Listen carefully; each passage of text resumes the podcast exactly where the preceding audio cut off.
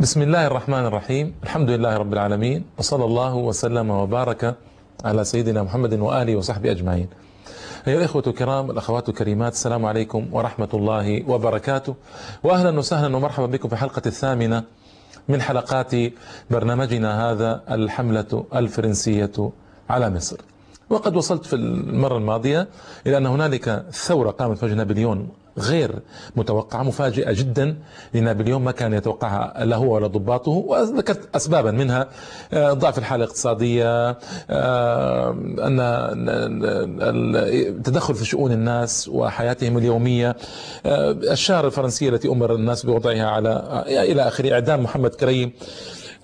أيضا معاملة الجنود السيئة كان الجنود يميلون إلى الفظاظة ولولا أن نابليون ثم كليبر ثم مينو كانوا يتهددونهم بالقتل والإعدام لمن يتعدى على الأهالي لحدث ما لا يحمد عقباه. فقد كان يعني جنود فيهم فظاظة وكانوا أصلا يملون من البقاء في مصر ويريدون الخروج فكانت نفسيتهم سيئة وكثيرة كثير ما يتعدون على الأهالي. الغرامات والقروض الفاحشة التي كان يأخذها نابليون يعني فرض غرامات غريبة على الشعب. يعني وكان يقول أنا جئت أخلصكم من ظلم المماليك. ففرضوا أموالا أصعب مما فرض المماليك. فهذه نقطة مهمة. يعني لكن ما يعمل نابليون وجد نفسه محصورا في مصر لا يمكن أي مدد يأتي من الخارج ما عنده أي مدد ماذا يصنع؟ لابد من الغرامات. إذن لابد أن يأخذ المال من الناس وهو يعلم أن هذا الناس تكرهه وكليبر كان يعلم هذا من بعده لكن ما كان عندهم خيار لأنهم محصورون يريدون مالا لإعطاء مرتبات الناس لمقاومة الثوار المجاهدين إلى آخره إلى آخره. وهذا كان يعني تجاوز الحد في مصر. بشكل كبير جدا. أيضا قطع الأوقاف والاستيلاء عليها. استولوا استولوا على أوقاف المسلمين وأوكلوها إلى النصارى من أهل الذمة والإفرنج. من ومن الشوام الذين جاءوا ومن الإفرنج واليونان ومن كلهم من النصارى. فهذا طبعا كان سيئا جدا وقعوا على المسلمين. إنشاء محكمة ومخالفة قوانين الأعراف الإسلامية محكمة يسموها محكمة التجارة وهذه بدايات التمكين حكم القوانين الوضعية وإبعاد الكتاب والسنة.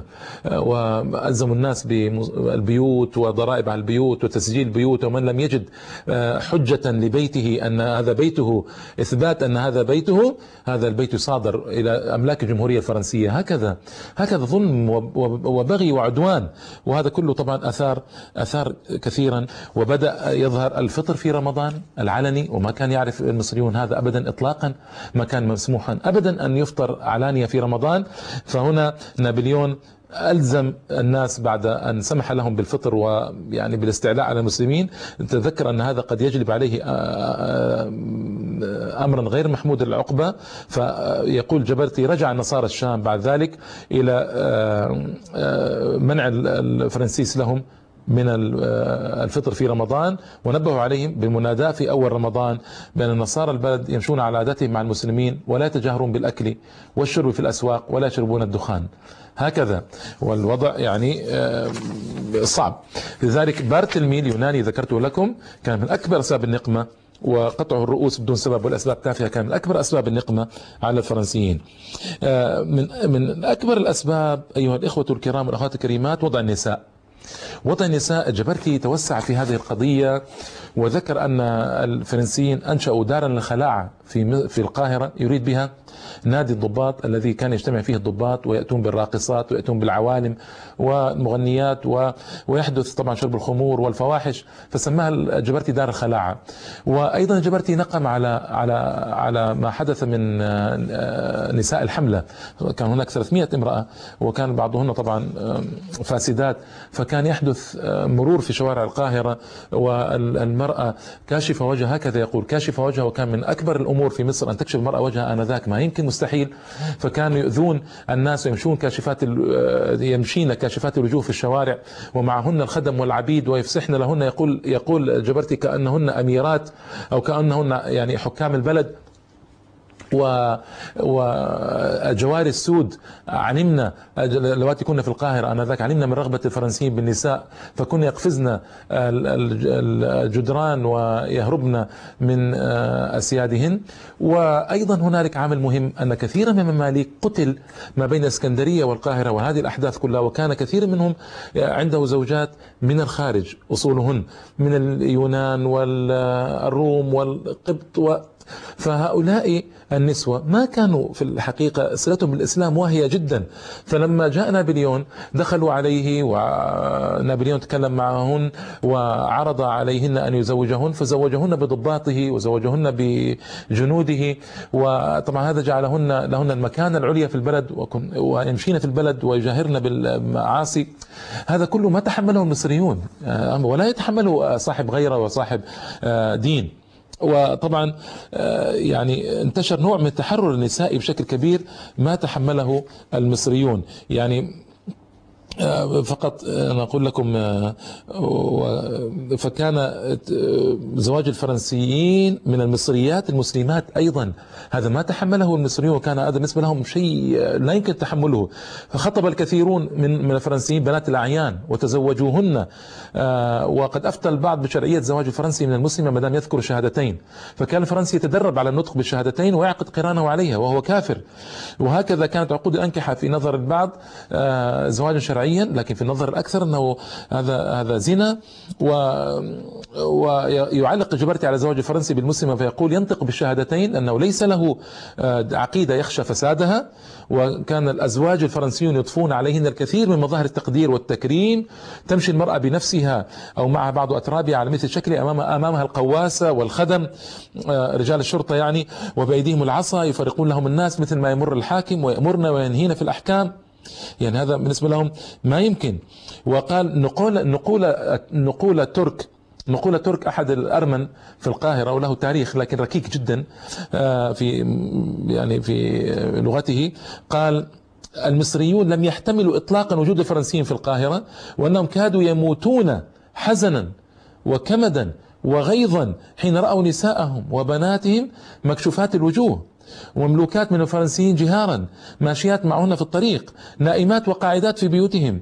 وكان المصريون يطلبون الموت كل ساعة للتخلص من هذه المناظر. ويعني وتزوج الحاكم العسكري الفرنسي لمنطقة الأزهر وسيدة مصرية من أولاد البلد المخلوعين. وكان يقضي سهراته معها في مقهى آه، آه، صرح بفتحه في البلد في حي الشعبي. وكان أحد صاحبي المقهى يهوديا والآخر مسلما من حلب. وكان هذا الحلبي من بين أسرى مالطا الذي أتى بهم نابليون. ذكرت لكم هذا من قبل.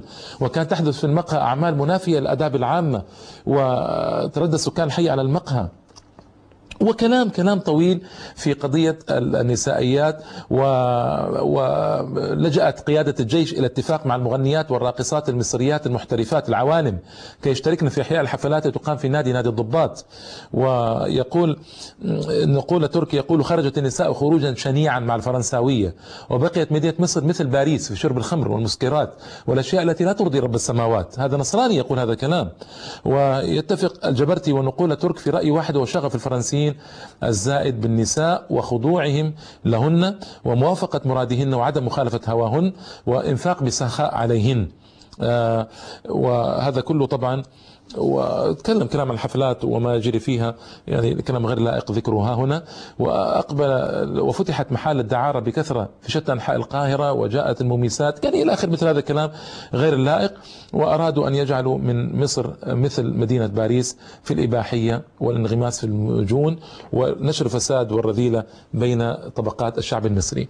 كل هذا وغيره أدى إلى ثورة عارمة في صفوف المصريين. وهذه الثورة تسمى بالثورة الأولى. هناك ثورة آه، ثورتان جرت ضد الفرنسيين. ثورة أولى وثورة ثانية. طيب من كان آه، من كان في الثورة الأولى؟ هذا مهم جدا. من كان وقود الثورة الأولى؟ من كان محركا للثورة الأولى؟ كان محركا للثورة الأولى آه، التي جرت في 21 أكتوبر 1798 يعني نزلوا في 24 آه، يوليو آه، إلى أغسطس إلى سبتمبر إلى أكتوبر يعني بالضبط ثلاثة أشهر من مكثهم وقامت عليهم الثورة. وفضحت كل دعاوى نابليون باستقبال المصريين له استقبالا حسنا إلى آخره. قاد الثورة مشايخ الصف الثاني، لماذا؟ مشايخ الصف الأول آه، كانوا في الديوان فما يمكن إنسان يكون في الديوانيه ما يمكن يكون في السياسة ويكون في المقاومة. هذه هذه غير غير صحيحة أو غير طبيعية. فكان الشيخ الشرقاوي والشيخ المهدي وسليمان آه، الفيومي ومصطفى الصاوي أيضا والشيخ عبد الله الشرقاوي ومحمد المهدي كاتب السر للديوان. وأمثالهم من المشايخ هم مشايخ الصف الأول الذين كانوا في الديوان فما كانوا يستطيعون أن يقوموا بثورة بالطبع.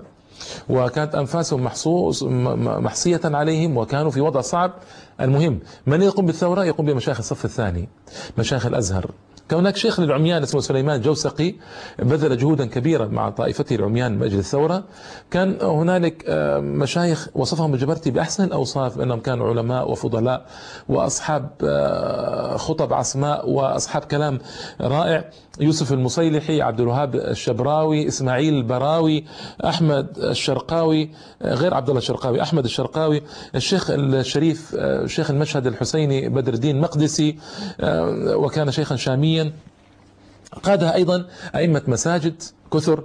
قادها مشايخ الطوائف يعني مشايخ الحراف والطوائف وهؤلاء لهم جمهور كبير ولهم سلطان كبير على نفوس الناس. مشايخ الحرف وكان كثير من أهل مصر الحرف أو زراعة أو كذا.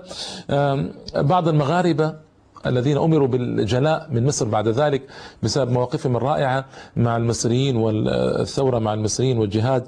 مؤذنون المساجد الذين يحرضون الناس. كان نابليون يقول هناك 400 مئذنة في القاهرة.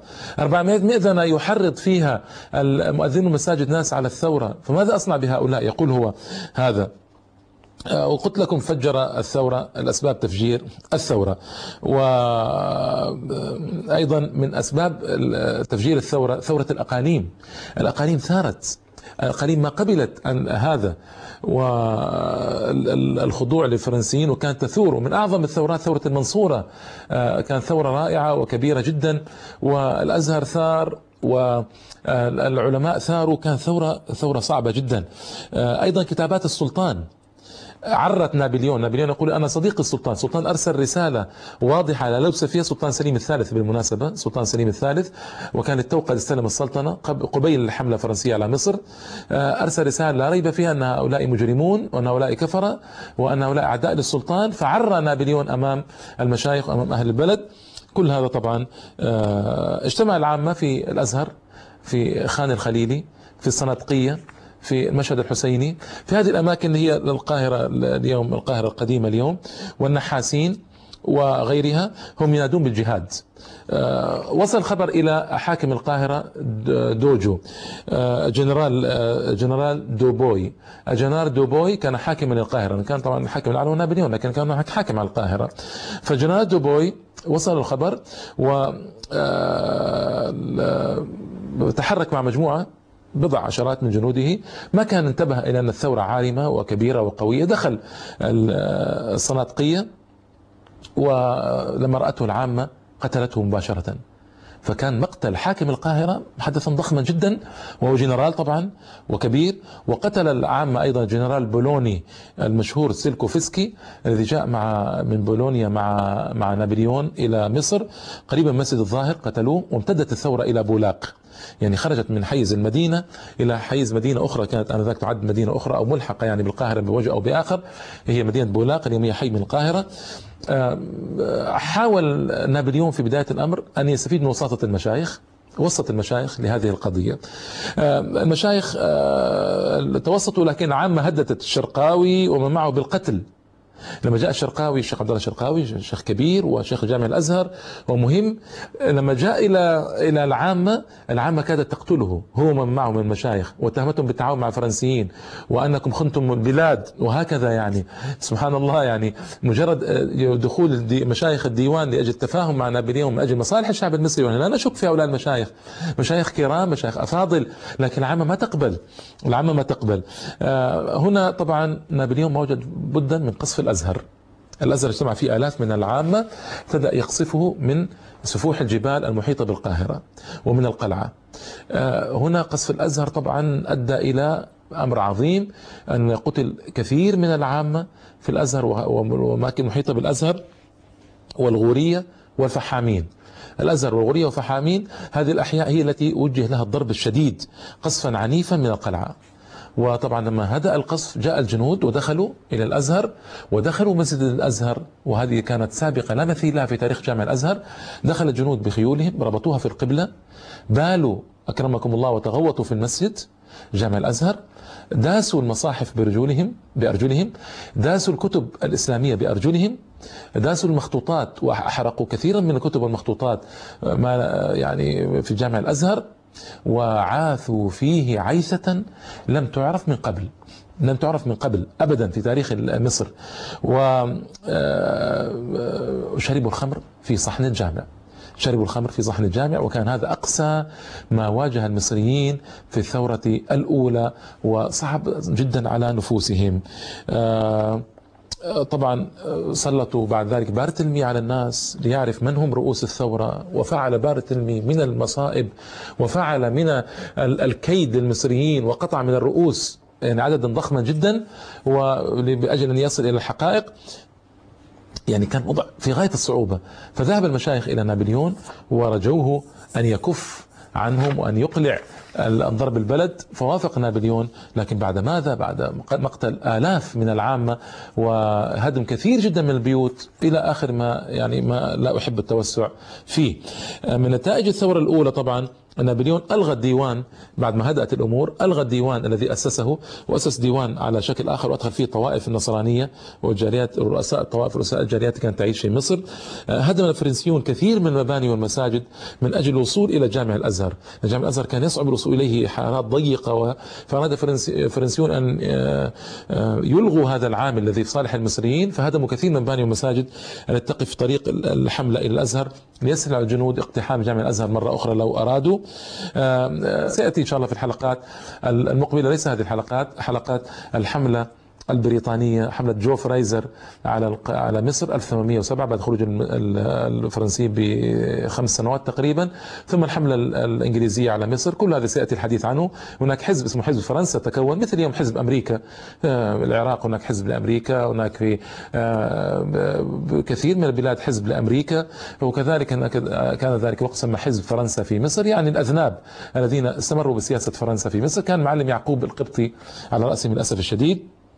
وخان بلاده وخان المسلمين الذين آووه وأكرموه هو وآباؤه وأجداده لكنه عض اليد التي أحسنت إليه للأسف الشديد. زالت تماما الفكرة عند الفرنسيين المصريين ميالون للمساومة للمسالمة وأن المصريين لا طاقة لهم بالقتال ولهم رغبة في الفرنسيين زالت هذه الفكرة تماما. طبعا الثورة من أعظم نتائج الثورة أن الشعوب آه، آسف سكان المدن والبلدات والقرى كانت تثور الواحدة تلو الأخرى. لا تسكن ثورة إلا وتظهر ثورة من هنا. باختصار الفرنسيون ما جلسوا ثلاث سنوات في هدوء أبدا إنما كان ثورات متتالية عليهم بعد ذلك. هذه هي الثورة الأولى التي جرت. بعد هذه الثورة طبعا آه، الكلام لابد كلام طويل جدا عن الصعيد وإخضاع الناس في الصعيد للحملة الفرنسية وجرى فيها مآسي ومهازل ربما أتعرض لها إذا كان الوقت مناسبا. أريد أن أوجز ما أريد أن أطيل أريد أن أركز على العبر والعظات. آه، نعم. آه، بعد ذلك قرر نابليون أن يذهب إلى الشام. بعد بعد أن خمدت هذه الثورة أراد نابليون أن يذهب إلى الشام. آه، في 1799 توجه نابليون إلى الشام. لماذا يريد أن يذهب إلى الشام؟ يريد أن يخضع بلاد الشام للسيطرة الفرنسية لأن بلاد الشام تحت الحكم العثماني المباشر فإذا استولى على بلاد الشام وقد استولى في ظني على بلاد مصر فقد استولى على أكبر بلدين عربيين آنذاك ثم يقيم إمبراطورية عربية ثم بعد ذلك ينقض على القسطنطينية ويزيل الوجود الإسلامي تماما من الشرق. هذا كان حلمه وكانت هذه رغبته. الشام كان فيها والي صعب جدا اسمه أحمد باشا الجزار. أحمد باشا الجزار هو كان آه، أصله من البوسنة وبوشناقي يعني أو بوسنوي. آه، بوشناقي مشهور في عندنا في الدول العربية أنه بوشناق. آه، أحمد باشا الجزار كان عبدا من العبيد في القاهرة وترقت به الأحوال إلى أن ملك عكا. حسن باشا الجزائري أعطاه إمرة عكا. ثم اضطرت الدولة العثمانية أن تعطيه كل الشام.